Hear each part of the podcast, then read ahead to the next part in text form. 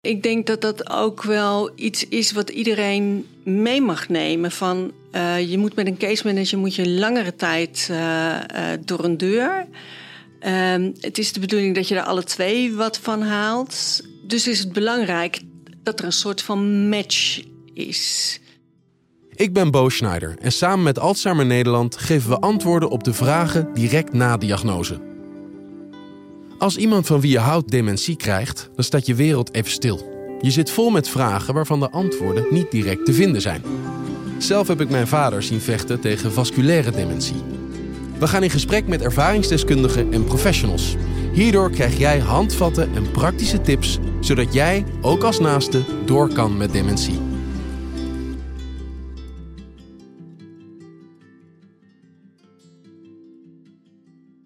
In deze serie bespreek ik met verschillende gasten belangrijke thema's over de eerste periode na diagnose.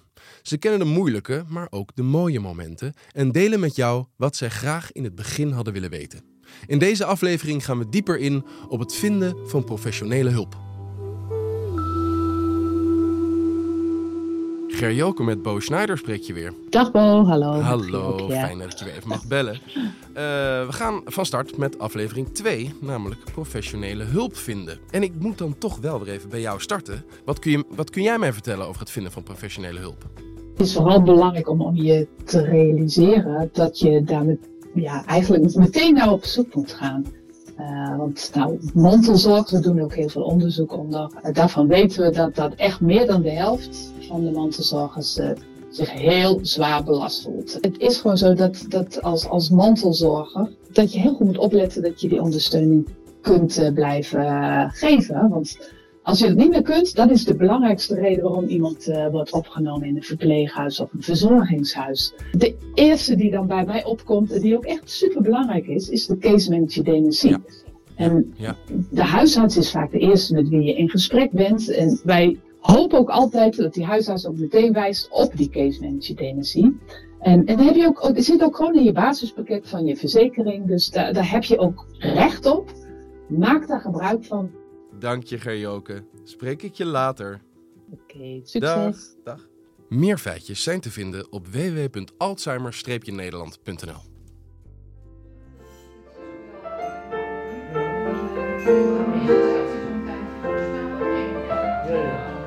Elke aflevering ga ik op bezoek bij een ontmoetingsplek voor mensen met dementie. En zoals jullie kunnen horen, wordt er op dit moment piano gespeeld. Mensen met dementie kunnen hier terecht om samen te zingen, spelletjes te spelen, kunst te maken, wandelen en misschien wel het belangrijkste, even onder de mensen zijn. Vandaag spreek ik daar Yvonne Hekkers en Jolanda Struik. Hun partners Robert en Mark, beide in de 50, hebben dementie. Ze kennen elkaar door deelname aan het televisieprogramma Restaurant Misverstand. Yvonne Hekkers en Jolanda Struik welkom in, de, in deze podcast. Uh, door met dementie van Alzheimer Nederland. Fijn dat ik jullie uh, wat vragen mag stellen. Ik wil eerst eigenlijk gewoon even weten hoe het nu met jullie gaat. Ja, dank je Bo. het gaat uh, op zich met mij dan wel goed. En alleen ja, thuissituatie is best wel heel erg moeilijk en ja. zwaar. Ook, we hebben twee kinderen die nog thuis wonen. En ja, de situatie wordt steeds moeizamer. Ja. Dus ja. Want jouw man is dus Robert? Ja, Robert. Ja. Robert? Ja, ja. Robert heeft nu bijna twee jaar de diagnose. Alzheimer. Eerst zat hij in de burn-out, dachten we. Ja. Maar er waren tekenen dat we dachten, dat klopt niet. Nee.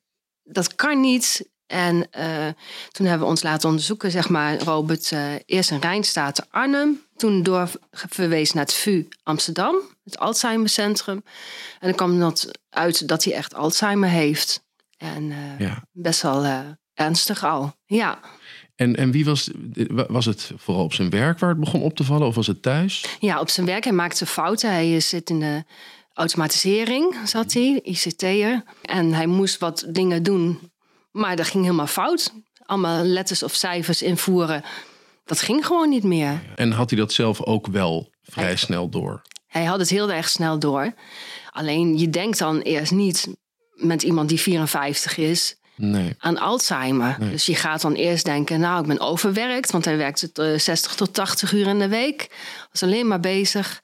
Dus ja, dat is dan wel heel erg uh, hard als het dan toch een andere diagnose is dan dat je eigenlijk hoopt dat het is. Want ja. uh, zit daar dan veel tijd tussen? Tussen, tussen oké, er is iets aan de hand, is het een burn-out, is het stress en dan de uiteindelijke diagnose Alzheimer? Ongeveer een jaar. Uh, en Jolanda, als we deze situatie ook even bij jou uh, schetsen, is dit heel erg vergelijkbaar? Mm, deels. Um, Mark was nog wat jonger. onze kinderen waren ook nog wat jonger. We hebben een, een tweeling. Um, toen het allemaal net speelde, toen waren ze denk ik een jaar of 16. We zijn inmiddels uh, 24, dus het is ook al uh, een ja. poos geleden. Mark die had al verschillende banen gehad waar het elke keer niet helemaal lekker liep. En hij begon op een gegeven moment met een nieuwe baan. En um, ja, dat liep weer niet lekker. Uh, in, die, in die laatste baan zag ik dat hij thuis heel, heel hard aan het werk ging. Uh, ter compensatie. Uh, ter compensatie. dingen extra thuis doen. Mark die had wel zoiets van: oh, er is met mijn geheugen iets aan de hand. Maar dat kan ik waarschijnlijk wel compenseren door geheugentraining te doen. allerlei dingen. Nou ja, dat bleek gewoon dat dat, dat, dat niet werkte. Als Mark thuis kwam en ik vroeg: En waar hebben jullie het over gehad? Of wat ga je komende week oppakken? Of, dan wist hij mij nooit te vertellen wat er was geweest. Ja, ja. Dat ik dacht: Nou, dit klopt niet. Dit klopt echt niet. Uh, ik zag ook geen vooruitgang. Op een gegeven moment kwam er een diagnose. Ja, Mark heeft uh, begin 2015 heeft die eerste diagnose MCI gehad. Uh, het kan een voorloper zijn van dementie. Eind 2015 is de diagnose Alzheimer gesteld. We waren eerst in een streekziekenhuis en uh, daar waren ze toch nog wat voorzichtig. En we kregen de optie om in het VU een second opinion uh, te laten doen uh, bij het Alzheimercentrum. En daar hebben we gebruik van gemaakt. En ja, voor ons, terwijl dat het voor bij, bij jullie, bij, bij uh, Yvonne eigenlijk een, een shock was en heel veel verdriet, was het bij ons een soort van opluchting van we weten nu wat er aan de hand is. Ja, want je hebt ook een veel langere weg ja. naar de diagnose gehad. Hè? Wij binnen een jaar was het bij ons. Ik heb Robert op een gegeven moment door de huisarts in op, uh, overleg mijn psychiatrisch ziekenhuis laten opnemen. Omdat het thuis gewoon ook niet meer ging. En hele rare dingen gebeuren. En dat heeft het wel versneld om naar het VU te gaan. Zij krijgen zo'n diagnose, maar ja, jullie krijgen die eigenlijk. Ja, het hele gezin. Hè? Het hele gezin ja. Eh, krijgt Klopt. dat. En ja. lijkt natuurlijk ook moeilijk. De aandacht gaat terecht uit naar hè, eh, Robert en Mark. Maar wat is er, wat, waar, wat voor traject gaan jullie op dat moment in? Wie, wie, waar gaan jullie te raden wat te doen? Hoe, hoe Wordt daar direct ook vanuit zo'n ziekenhuis rekening mee gehouden? Ja, er wordt gelijk uh, geschakeld om hulp in te zetten. Wij hebben een hele fijne huisarts die ons gelijk uh, in contact heeft gebracht met de case manager bij ons in het dorp. En die kennen we al van de moeder van Robert. Dus die wist al hoe ons gezin uh, was. En die heeft gelijk ja, contact met ons gezocht om hulp in te zetten. Dus die heeft gelijk ook gezorgd dat wij een buddy uh, toegewezen gekregen voor Robert. Drie dagen in de week. En uh, ja, daar had hij heel veel plezier uh, mee. En dan ging hij mee wandelen, fietsen, zwemmen. Bij ons in, op de postbank. Ja. Dus dat is wel, ja, hij kon echt heel veel leuke dingen doen. Maar, maar om met plezier. Dus. Ja, ze koken ook voor ons, de Buddy en Robert. Dus dat ontzorgt ons ook heel erg. Dus, uh, maar ja, ik heb natuurlijk best wel heel veel verdriet uh, gehad. En ik heb ook echt moeilijk, ja, een jaar lang echt bijna niet kunnen werken. Omdat ik alleen maar moest huilen en niet kon slapen. En uh, ja. En daar is dan ook vanuit jouw werkgever begrip voor? Ja, ja. ja dat moet ik heel zeggen. Ik heb heel een collega's en mijn werkgever heeft ook gezorgd dat ik ook echt de rust kreeg om uh, ja, weer te werken aan herstel. En die heeft ook gezorgd dat ik een therapie kreeg, een rouwverwerking therapeut, om afstand te nemen van Robert. Um, ja, dat hij toch ja, hij is jaren mijn maatje, mijn man, mijn vriend, mijn partner, mijn minnaar. Ja, dat verdwijnt gewoon heel erg. En daar heb ik heel veel, ja, heel veel steun. En uh, het maakt niet uit wat het kostte. Mijn baas zei, mijn werkgever zei, Yvonne, we willen gewoon dat jij weer herstelt en dat je weer ja, opkrabbelt en dat je weer positief kan zijn. En dat heeft mij heel erg uh, geholpen om weer de weg vooruit te kijken. En ook veel tijd met Robert. Gewoon simpelweg door te kunnen brengen natuurlijk. Heel fijn. Ja, ja. dus uh, hij weet het ook wel. Alleen hij kan zich niet goed uiten. Net zoals Mark is Robert ook uh, qua spraak uh, ja, heel, gaat heel moeizaam. Het zit het wel, maar het komt er niet uit. Nee. Ja, want dat, die verwarring is er natuurlijk ook vaak. Dat het lijkt alsof iemand echt ook de gedachten kwijt is. Maar het zijn vaak ook gewoon simpelweg de woorden. Ja. Dus jij moest echt op zoek naar een case manager? Ja, nou, je krijgt dat wel uh, toegewezen. Um, vanuit het VU gaat dan het bericht gaat naar de huisarts toe. En de huisarts die, uh, die regelt dat dan verder. Um, maar ik was natuurlijk wel vrij jong. En je loopt wel tegen andere dingen aan dan oudere mensen tegenaan lopen. Kinderen thuis, uh, uh, werkend. Ja, het zijn echt wel andere dingen. De eerste case manager die wij kregen, die wilde heel erg graag, maar had niet heel veel kennis hier al over. En ik merkte dat ik die behoefte wel heel erg had. dat ik iemand had die nou ja, wat ervaring ermee uh, mee had en mij daardoor kon ondersteunen en Mark ook kon ondersteunen. En toen heb ik wel aangegeven van ik denk niet dat dit de juiste klik is tussen ons. Uh, dan moet je wel op zoek naar wat anders. Want, uh, en je moet dat ook zelf begrijpen. Je moet dat inzien. Dat vind ik eigenlijk wel heel knap. Want het is niet alsof je een referentiekader hebt. Nee, dus dat je, je voelde dit, dit klopt niet. Dit is voor mij niet prettig. Dit werkt niet goed. Ja, en ik denk dat dat ook wel iets is wat iedereen mee mag nemen. Van uh, je moet met een case manager moet je langere tijd door een deur. Um, het is de bedoeling dat je er alle twee wat van haalt. Dus is het belangrijk dat er een soort van match is. Als ik jullie zo spreek, want jullie, jullie spreken er uh, toch makkelijk over inmiddels. Ja. Uh, ik kan me ook voorstellen dat, er, dat dit voorkomt in families waar mensen slot op de mond en, en niet durven klopt. te spreken erover. Ja. Dat er ook nee, veel schaamte is. Ja, klopt. Dat is heel belangrijk, want wij wonen in een dorp. Iedereen kent ons eigenlijk allemaal. Dus we zijn gelijk open en eerlijk daarin geweest. Want het geeft Robert ook meer rust. En als hij dan ook in het dorp loopt, hè, dat ze hem helpen. En uh, ja, het is zo belangrijk om dat uh, ja, te hebben.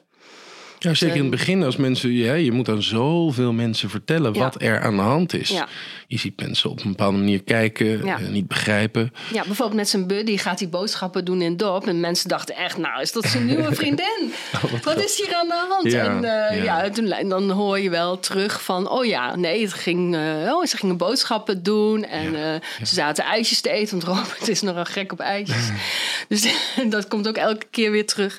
Maar dat is wel belangrijk. Open en eerlijkheid dat, dat geeft ook veel steun aan ons thuis. Ook aan de kinderen. Dat ze gewoon ja, dat ze begrip houden en krijgen. Ja, ja. Als ze verdrietig zijn, als ze even niks willen zeggen. Of ja, dat is heel belangrijk. Hè?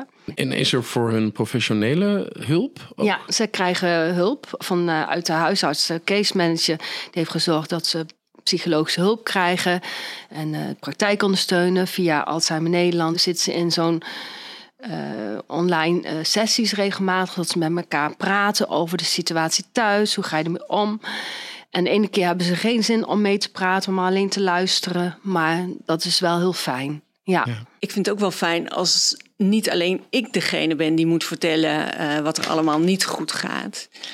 en, en hoe dat de dingen überhaupt verlopen. En toen zei hij: Ja, je denkt toch niet dat ik daar zin in heb? Hij zegt, er is elke week wel iemand die ja. aan mij vraagt... en hoe gaat het nou met je vader?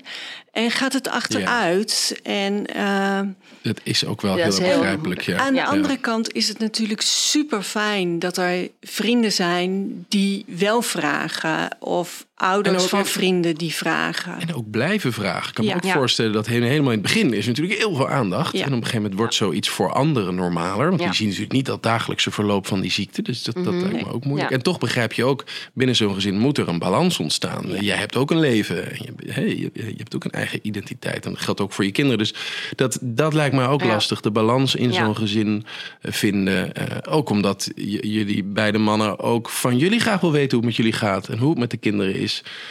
Voel je dat ook? Is, ja.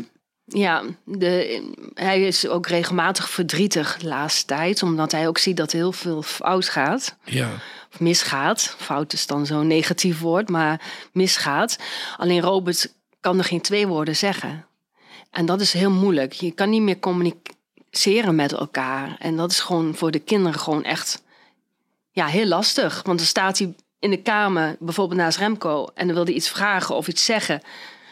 Dan komt er niet uit. En, en, dan, wordt hij, dan wordt hij boos. en dan op zichzelf, op de situatie. Alles, ja. En ja, dat zijn geen leuke, leuke momenten. Nee, nee, En dat wordt steeds erger. En dan hebben we het ook met elkaar over, uh, zonder Robert, ook van uh, hoe lang denk je nog dat papa thuis kan blijven wonen? Hè? Dat zijn van die vragen van, ja, ja Hè?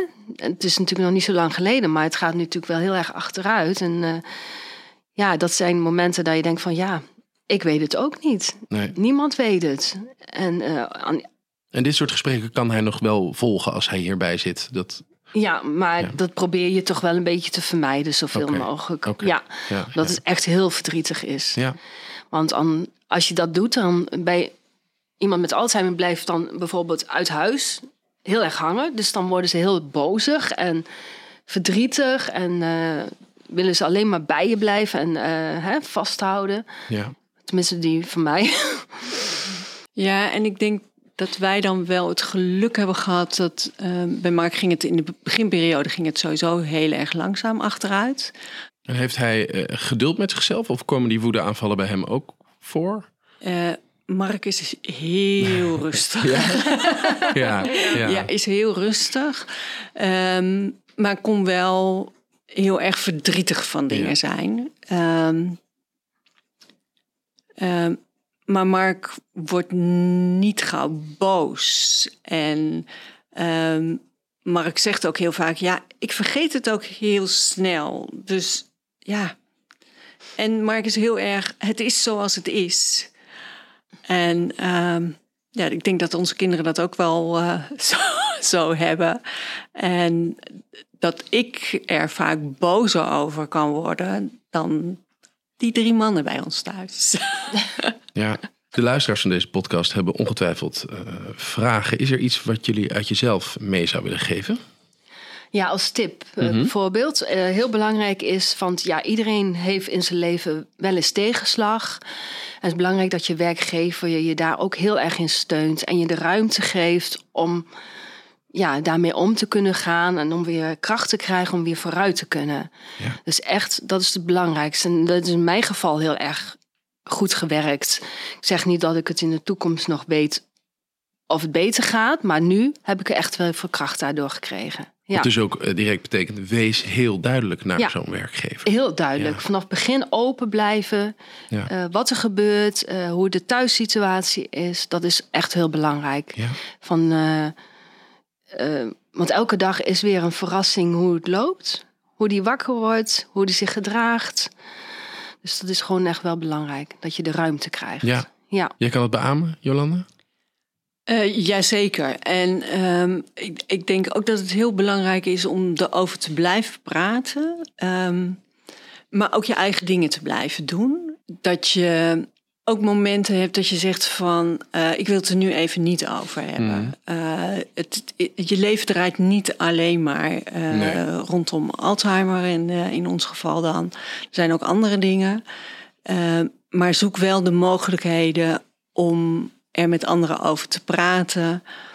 En laat je niet uit het veld slaan. Vooral in het begin heb ik ook wel gehad. Dat mensen zeiden van... Uh, goh, ik heb Mark nog gezien. Nou, zag er niks aan. Ja, ja, ja. Valt best mee.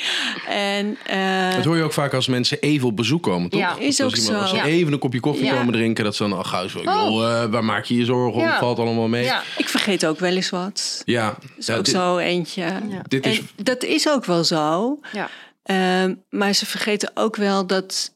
Um, dat ze zich vaak enorm oppeppen en alle energie erin stoppen om dan dat uurtje leuk uh, En daarna storten ze natuurlijk doen. in. Ja, ja precies. Dan krijg je weer de, dwars en dubbel terug, dat klopt. Zijn er nog wel eens momenten van, hey, dit, dit voelt wel als een, als een normale middag of een semi-normale middag? Nou ja, we hebben ons voorgenomen om elke eh, maand naar het pannenkoekenhuis bij ons in het dorp te gaan. En dan uh, zeg ik al van tevoren. En dat slaat hij dan in één keer wel heel erg op. Want dat vindt hij gewoon heerlijk. en uh, dan uh, kijkt hij er ook echt naar uit als hij, hij dan thuis komt. ja, ijzen en dus, uh, zolang er lekker gegeten kan worden. Ja, en dan een biertje erbij. Want daar geniet hij ook heel erg van. Ja. Heeft Mark dat ook nog momenten van plezier? Of, of, of het genieten van een muziek of van familie? muziek wat minder. Ehm, maar er zijn zeker momenten waar hij heel erg geniet. Uh, we hebben onder andere hebben we een, uh, uh, een vrijwilliger ingeschakeld voor de tuin. Mm En ehm, als ik dan zie hoe, hoe blij dat hij daarvan kan zijn om gewoon samen in de tuin bezig te zijn. of samen te sporten met een andere vrijwilliger weer, loopt hij hard. Ehm, ja, kan je daar wat meer over vertellen? Want hoe moet ik dat voor me zien? Er zijn dus vrijwilligers. hoe kom je daarmee in contact? En, en ook zo specifiek dat je denkt, hij houdt van, de, van, van tuinieren. Dan willen wij een vrijwilliger die ook van de tuin houdt. Lijkt me, dat is niet zo 1, 2, 3 gevonden. Nee, dat is niet 1, 2, 3 gevonden. Um, we gingen best wel tegen dingen aanlopen. Mark die vereenzaamde een beetje, was natuurlijk jong. Alle mensen om hem heen waren uh, aan het werk. Mark werkte altijd buiten, de, buiten onze stad, dus vrienden uh, zaten ver weg. En we zijn toen in gesprek gekomen met iemand van mantelzorg. En uh, die zei: We hebben, uh, we helpen kampen. Dat is een soort platform waar uh, je je als vrijwilliger aan kunt bieden, maar waar je ook de vraag kunt stellen om hulp ergens bij te krijgen. En op deze manier ging Mark weer elke week hardlopen. In plaats van dat hij tegen mij zei van ik ben weer geweest. Uh, ik ben al vaak geweest. En het gebeurde niet. En nu zit er gewoon een regelmaat in. Maar dit is natuurlijk wel echt een gouden fonds. Want het is dus niet een standaard procedure waar, waar een, een, een ziekenhuis mee komt, denk nee, ik, toch? Nee, dan moet je zelf uh, achteraan. Robert heeft dan een, een, buddy. Ja. Is dat vergelijkbaar daarmee? Qua... Nee, ik heb Robert uh, heeft via thuiszorg uh, totaal hebben we via de case manager gezorgd. Die komen dan uh, bij ons thuis en die uh, vragen Robert: Goh, heb je zin in om te doen? Of ze bedenken zelf wat om te doen. Dus ja, dat vindt hij gewoon heerlijk. Dus ja. dat is, in die zin zijn de vrijwilligers en de buddies dus wel, daar, daar zijn overeenkomsten in. Ja, ja. Nou ja, wat maar werkt toch voor de, voor de, voor de persoon in kwestie. Ja, ja. En voor ons thuis is het ook heel fijn, want dan is Robert ook even weg. De kinderen krijgen wat rust en hij komt als een blij ui vaak thuis. Ja, ja. dat is gewoon een winsituatie uh, voor iedereen. Is er iets, zou er iets specifieks zijn dat je denkt, had ik dat nou maar wat eerder geweten? Nou, er is wel iets wat ik mee wil geven. Uh, dat is het belang van lotgenoten. Um, voor allebei. Dat je met elkaar in gesprek kunt over wat je meemaakt, uh, hoe dat je dingen aanpakt. En uh, ja, dat heeft wel ontzettend veel meerwaarde uh, gegeven en doet het nog steeds. Um, dus het direct naar buiten treden, over praten, ja, lotgenoten absoluut. zoeken. Ja. ja. Openheid is echt het belangrijkste wat er is. Dan kweek je begrip mee door je omgeving en ook voor je werk. Uh, ja, en ook lotgenoten is belangrijk. Wij hebben heel erg goede klik. Maar het is ook belangrijk dat je echt ook uh, ook niet altijd over, uh, over Alzheimer praat. Nee, ja. Blijf voor jezelf zorgen. Ja. Want als je niet voor jezelf zorgt, Kun kan je, je, geen niks, zorg dragen. Kan je nee. geen zorg dragen. Nee. En dat is eigenlijk wel een van de dingen. Ja, dat is heel belangrijk. Dank jullie wel voor dit gesprek. Jij ook bedankt. Jij ook bedankt. Ja, mooi. Yvonne Jolanda, ja. mooi hoe ze erover kunnen praten en mooi hoe ze elkaar ook hebben. Het belang van lotgenoten wordt daar toch weer heel erg in duidelijk. Dat ze vaak aan één woord genoeg hebben naar elkaar. Ehm, en ook dat je, dat je echt hoort dat vaak gaat natuurlijk alle aandacht naar de persoon met dementie. Maar wat betekent dat nou voor zo'n heel gezin? Hoe, hoe, hoe iedereen zich daarin aanpast bij die twee dames, vind ik echt heel bijzonder om te horen. Ja, ik ben toch weer een stukje wijzer geworden. Ik praat verder met een bekende van Jolanda en Yvonne, Gerben Jansen. Hij is case manager en ik ben heel benieuwd wat hij te vertellen heeft over het onderwerp professionele hulp. Wat ziet hij in de praktijk en welke adviezen heeft hij? Gerben Jansen, welkom. Fijn dat ik je wat vragen mag stellen. Ja. Uh, zou je jezelf even voor willen stellen? Ja, mijn naam is dus Gerben Jansen. Ik ben uh, senior case manager dementie bij TWB Thuiszorg West-Brabant. En daarnaast ben ik ook expert op dementie.nl voor uh, Alzheimer Nederland. Ja, en er beantwoord je vragen van wie dat. Ja, dat klopt. Ja, er, zijn, er is een expertpagina op de website van dementie.nl. En mhm. daar kun je allerlei vragen stellen aan verschillende experts. Van case managers dementie ja. tot de verzekeraar, de pensioen, een ergotherapeut. En uh, wij beantwoorden vragen vanuit het hele land. Er mensen zijn die dan via een huisarts horen, er gaat een case manager bij jullie langskomen. Ja. Gerben, wat is een case manager precies? Een case manager dementie is iemand uh, die vaak een verpleegkundige is of een social worker. En die een gespecialiseerde opleiding heeft gevolgd in dementie. En die mensen begeleidt vanaf de niet-pluisfase, dus vanaf het begin dat er het vermoeden bestaat van een dementie, tot aan het overlijden in de thuissituatie. En of tot aan uh, opname in een zorginstelling. Uh, hoe begeleid je naasten bij het vinden van de juiste zorgvoorzieningen en hulpbronnen? Ja, dat is een hele puzzeltocht vaak. Dan gaan we langs, dan gaan we gewoon het gesprek voeren. Zonder laptop, zonder telefoon. Niet formeel, zeg maar. Ik heb ook geen jasje aan van de thuiszorgorganisatie waar ik werk. Ik ga gewoon het gesprek aan. Hoe gaat het? En vooral niet over de gezondheid praten. Nee. En dan mensen uitlokken om uh, uh, uiteindelijk wel over het geheugen te praten. Wat, je, wat wij dan vaak zien, zeg maar, is dat de mantelzorger, dus, de, hè, dus de, dat kan de partner zijn, dat kan de zoon zijn, of de dochter, of de buurvrouw. Je ziet wel, zeg maar, dat die maken zich zorgen. En die ja, persoon met dementie ja, denkt, ja, ja. leuk dat er iemand van de thuiszorg komt. Maar, maar zo erg is het nog niet. Zo erg is het bij mij nog niet. En dan gaan wij, uh, wij zijn natuurlijk wel getraind in uh, observeren van menselijk gedrag. En kijken hoe iemand reageert, hoe iemand zich verhoudt in een gesprek, hoe de verhouding is tussen mantelzorger en de persoon met dementie. Daar kun je heel veel uit aflezen, zeg maar. En, dan, uh... en, en ook doorzetten, denk ik. Want, want wat nou als je je voet niet tussen de deur krijgt? Wat als je, als je weggeduwd wordt? Ja, ja, en soms moet je dan, kijk, want wat mensen met dementie zeker in de beginfase heel lastig vinden, dat je een soort bombardement van vragen gaat stellen. Ja, ja, ja. en uh, als ik dan bijvoorbeeld wel eens mensen mee laat lopen, die, wel eens, die zijn geïnteresseerd in, de, in, de, in het vak van case manager dementie. Mm die verwachten dat ik een soort uh, protocol heb, zeg maar. Zo van nou, het eerste huisbezoek eh, gaan we dit doen, het tweede huisbezoek gaan we dat bespreken, derde. Maar dat is bij ons niet. Dus nee. wij worden wel uitgedaagd om creatief ermee om te gaan. Een mooi voorbeeld bijvoorbeeld, ik had uh, een cliënt in zorg en die man was timmerman. Dus dan ik had toen in de coronatijd had ik een stijgerhouten tuintafel gemaakt. Dus ik liet de foto van hem zien. Ik zei, kijk eens, deze heb ik gemaakt. En dan ging hij met mij in gesprek van, ja, maar dat heb je helemaal verkeerd gedaan. Hè? Want uh, die planken moeten om en om liggen, want anders trekt heel die tafel krom. En kom maar eens mee naar mijn schuur. Dus ik met hem mee naar de schuur.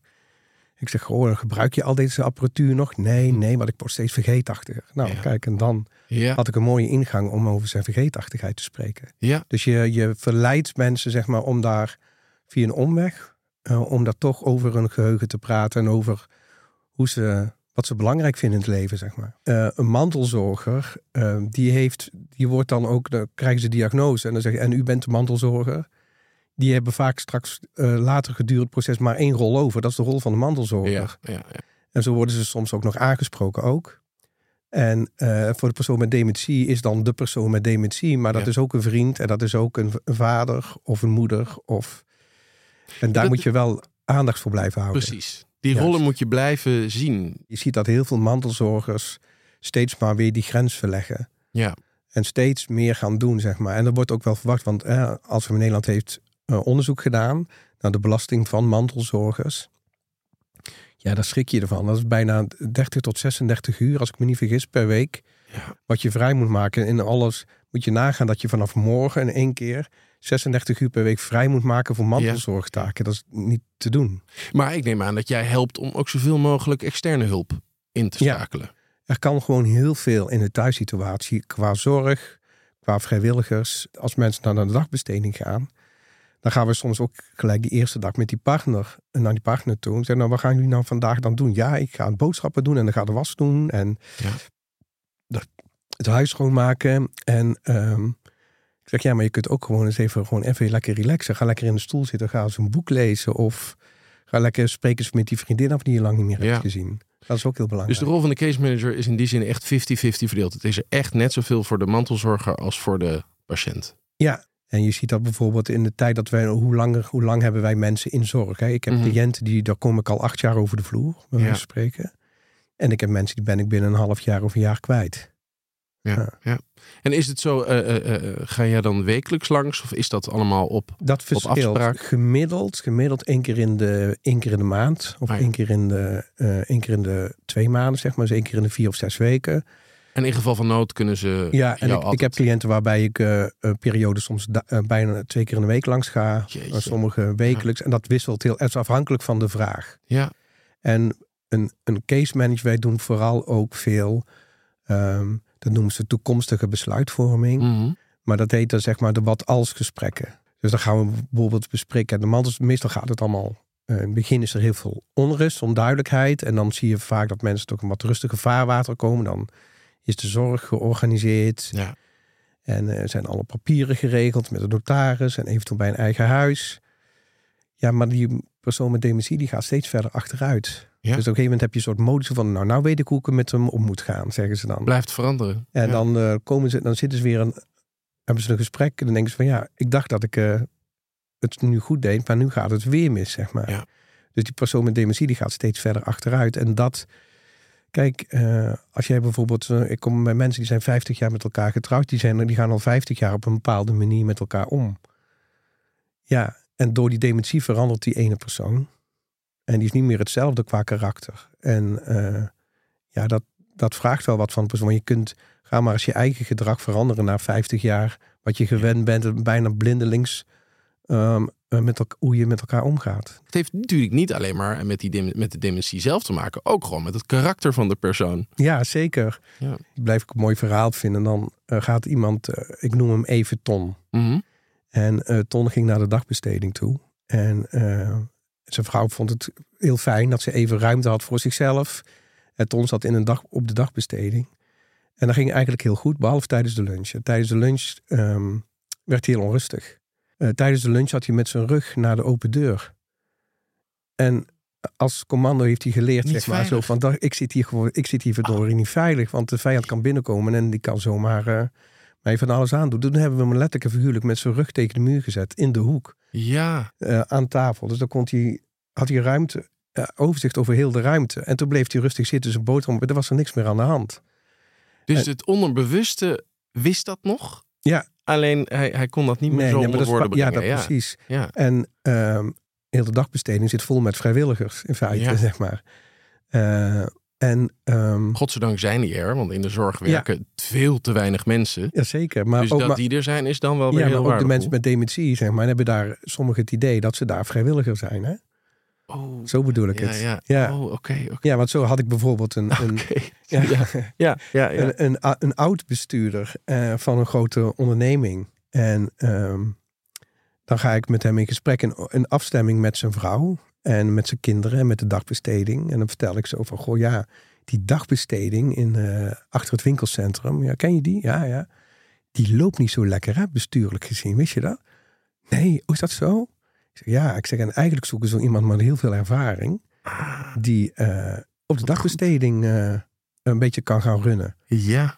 Ja, maar Gerben, jongen, daar ben ik te oud voor. En dan zien ze en zijn vrouw speelt daar dan ook in mee. Ja, wat goed. Zo van, ja, ja dat, dat is, ik, ik vind dat echt helemaal bij je pas. Oh, ja, ja en, dat, en uiteindelijk is, ging hij dus met zijn aktentasje van vroeger, met zo'n broodtrommeltje en zo'n appeltje, naar de dagbesteding. Goed, en dan komt hij op de dagbesteding en dan zit hij gewoon in de teamkamer met uh, notulen van een vergadering van vijf jaar geleden en aantekeningen te maken. En hij zit helemaal weer terug in zijn, daar heeft weer het gevoel dat hij ertoe doet. Ja. Dat hij er weer voor andere mensen kan zijn. En dan is er een teamvergadering en dan, dan nemen ze hem en dan gaat hij mee. En ja, die man heeft het gewoon verschrikkelijk naar zijn zin daar nu. Mooi is het. Ja. Er zit bijna een soort film in. Heel, Ik vind eigenlijk het heel mooi gegeven.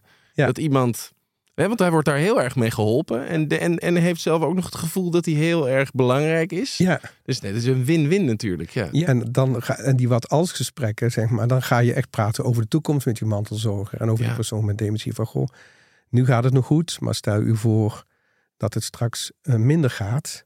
En er zijn gesprekken die heel veel mensen eigenlijk niet willen. Hè? Zo van, nou, het gaat vandaag goed en een beetje struisvogelen. Je kop in het zand. Ja, ja, ja, maar de toekomst, ja, ja, dan zien we dan weer wel. Maar ja, de zorg in Nederland zit, zit, zit vast. Ja. Dat merken wij natuurlijk uh, uh, elke dag.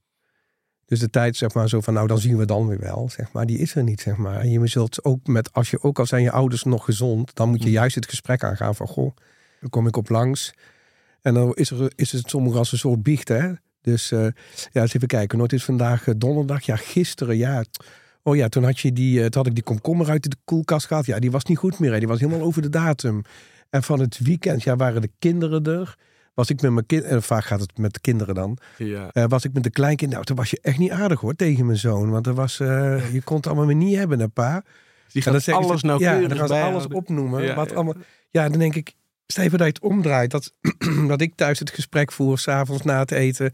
En mevrouw die zegt tegen mij van, goh nou, dit is allemaal fout gegaan vandaag met jou. Dan denk ik, dan word ik ook een beetje crumpy chagrijnig van. Nou ja, dan word je dus op die dementie in plaats van dat je de mens daarachter blijft natuurlijk. Ja, ja dat wil je voorkomen. Ja, ja. ja, en dan, dan trek ik weer mensen mantelzorgers terug zo van... Nee, het is ook nog gewoon je vader. Ja. En, en, en ook mantelzorgers raken hun rol ook kwijt. Ja. Die, die zijn half zorgverlener. En denk je, ja, je bent nog steeds, het is nog steeds je vader, dus je bent ook nog zoon of dochter. En ga zo blijft dat zo lang mogelijk? Blijft dat zo lang mogelijk, inderdaad, ja. En wat grappig is, zeg maar, want soms als ik dan bij mensen met dementie langs ga, zeg maar, dan sommigen zeggen, die hebben bijvoorbeeld, en eh, dan sta ik voor de deur en dan zeg ik niet dat ik case manager ben, nogmaals. Dan vraag ik, is er iemand bijvoorbeeld die zegt aan tegen mij van, uh, ja, jij bent toch eh, de klachtenfunctionaris voor de gemeente? Dan denk ik, waar komt dit in één keer vandaan? En dan zeg ik gewoon, ja, dat klopt. En, en uh, dan ga ik met hun in het gesprek. En dan krijg ik allemaal verhalen te horen over de gemeente dit en de gemeente dat. En dan zeg ik, ja, en de gemeente wil ook graag weten hoe het met uw gezondheid gaat. Nou, dat kan ik je wel eens even vertellen. Ja. En, en dan denk ik, ja, de, het hoe en wat. En kijk, als je heel erg uh, fier bent of trots bent, zeg maar, op je, op je titel als case manager mhm. dementie. Um, ja, ik gebruik het bijna nooit, zeg maar. Alleen in formele gesprekken of bij de huisarts.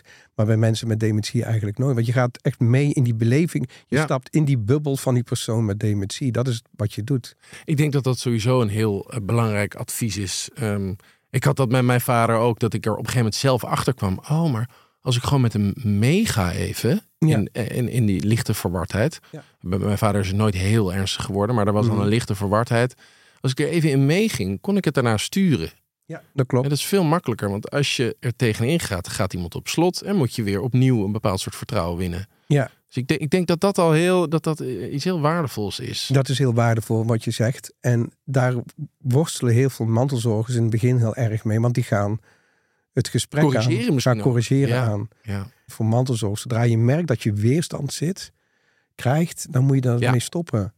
Want wij zien dan bijvoorbeeld, wij komen dan in die niet-pluisfase. Mm Dan vinden de kinderen het heel belangrijk. Ja, dan moet de diagnose gesteld worden. Kijk, in Nederland is het zorgsysteem zo geregeld. Je, wil je toegang hebben tot meer zorg, dan is een diagnose heel erg belangrijk. Absoluut, ja.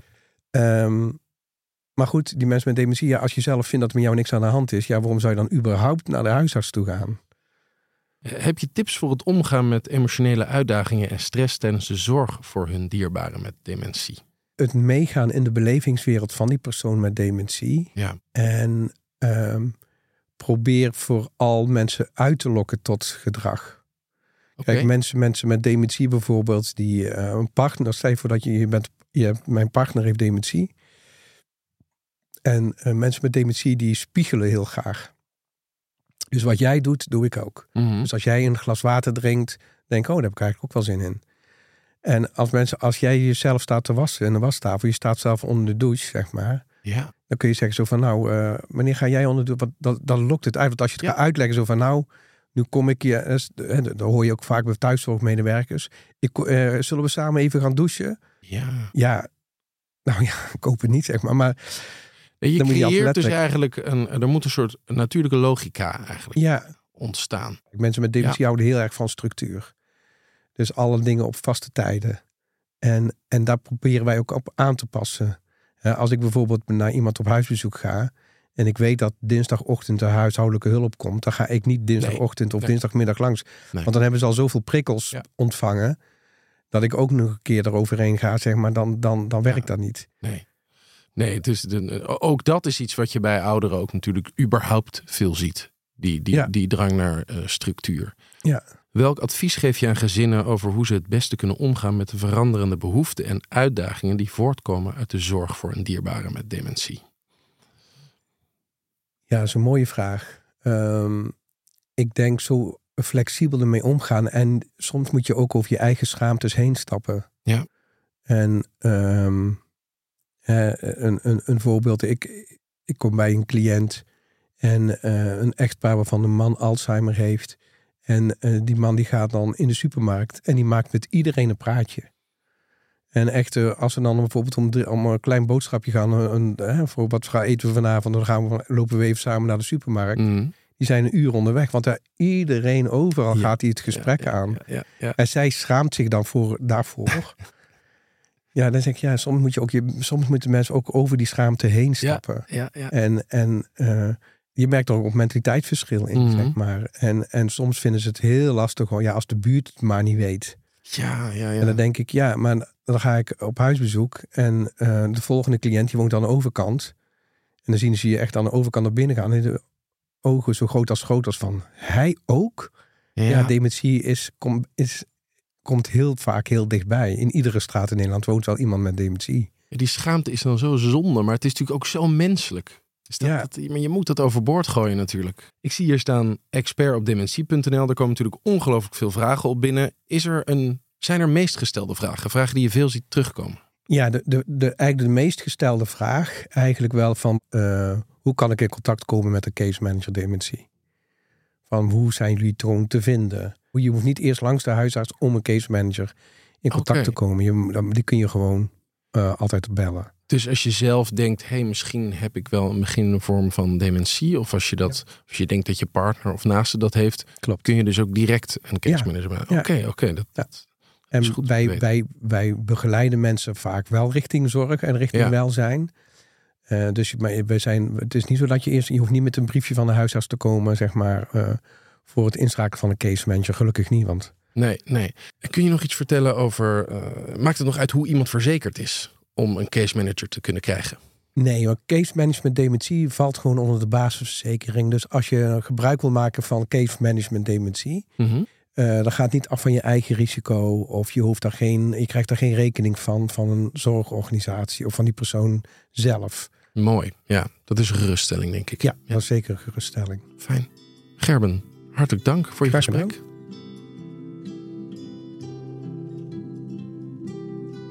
Ja, ik vond het fijn om, om, om Gerben even te spreken en om te weten hoe het is, eh, het werk als case manager. Eh, vooral wat hij zei over dat je flexibel moet zijn, dat je niet te veel moet inzoomen op de kleine foutjes. Eh, Gerben gaat altijd mee met de mogelijke verwarring van iemand met dementie. En niet, niet te veel erop pushen van ik ben de case manager. Maar als iemand denkt dat hij bij de belasting werkt, dan dat hij daar gewoon in mee kan gaan. En eh, vooral om, om, om, om mensen ehm, ja, rustig te houden. Ehm, belangrijk dat de case manager direct de, de juiste informatie ook heeft. En dat hij direct de samenwerking heeft met andere zorgverleners. En, en, en ook wat hij zei, dat, dat je als mantelzorger echt moet proberen om ook gewoon die zoon of die dochter of die partner te blijven. Het is ook zo belangrijk dat dat, eh, dat kan gewoon naast elkaar bestaan. Eh, en natuurlijk de klik moet er zijn met een case manager. Eh, en anders moet je gewoon, eh, of gewoon, anders moet je, denk ik, zoeken naar een, naar eentje die beter bij je past. De volgende gast heeft met zijn werk al veel betekend voor Alzheimer Nederland. Hij heeft veel geleerd en wil graag een aantal tips met jou delen. Hallo iedereen, ik ben Frank Frank van der Lende. Ehm, je kan me kennen van de radio, voorheen 3FM, nu Veronica en misschien ook wel van alle dingen die ik heb gedaan voor Alzheimer Nederland. Want sinds mijn vader de diagnose Alzheimer kreeg, uh, ben ik gaan zoeken, ben ik gaan lezen, maar ook gaan maken. Zo heb ik een serie gemaakt uh, in samenwerking met Alzheimer Nederland over wat het is om al Alzheimer te hebben, maar ook hoe het is om als jonge jongen, wat ik zeker toen nog was, uh, ja, moest doen. Wat ik allemaal op mijn bordje kreeg als iemand in je omgeving een vorm van dementie heeft. En ja, god, dat is ook eigenlijk mijn tip voor als je uh, in de beginfase zit, als mantelzorger of als naaste. Um, zoek mensen op waarmee je kan praten. Het hoeft niet per se artsen of deskundigen te zijn. Lotgenoten heeft mij heel erg geholpen. Ik voelde me heel erg alleen eigenlijk in het begin. Mijn broer en ik dachten echt, ik heb een oudere broer. Wij zijn de enige op de wereld die zo jong al een ouder hebben met nou ja, Alzheimer in dit geval. Niks bleek minder waar. Er zijn er veel meer en dat delen dat helpt heel erg.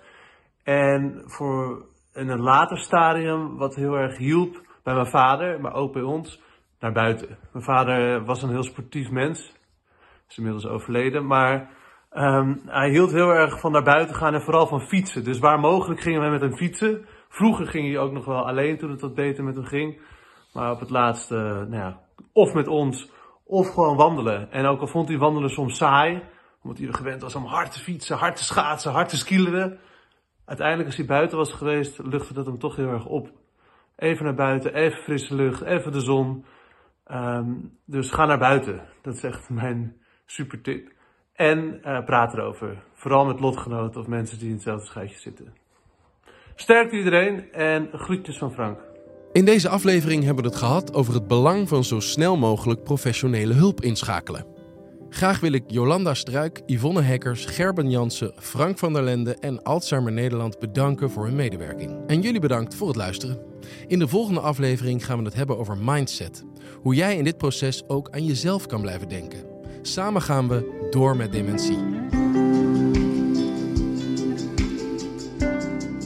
Mochten er vragen zijn, dan kun je op de website van dementie.nl gratis vragen stellen aan experts.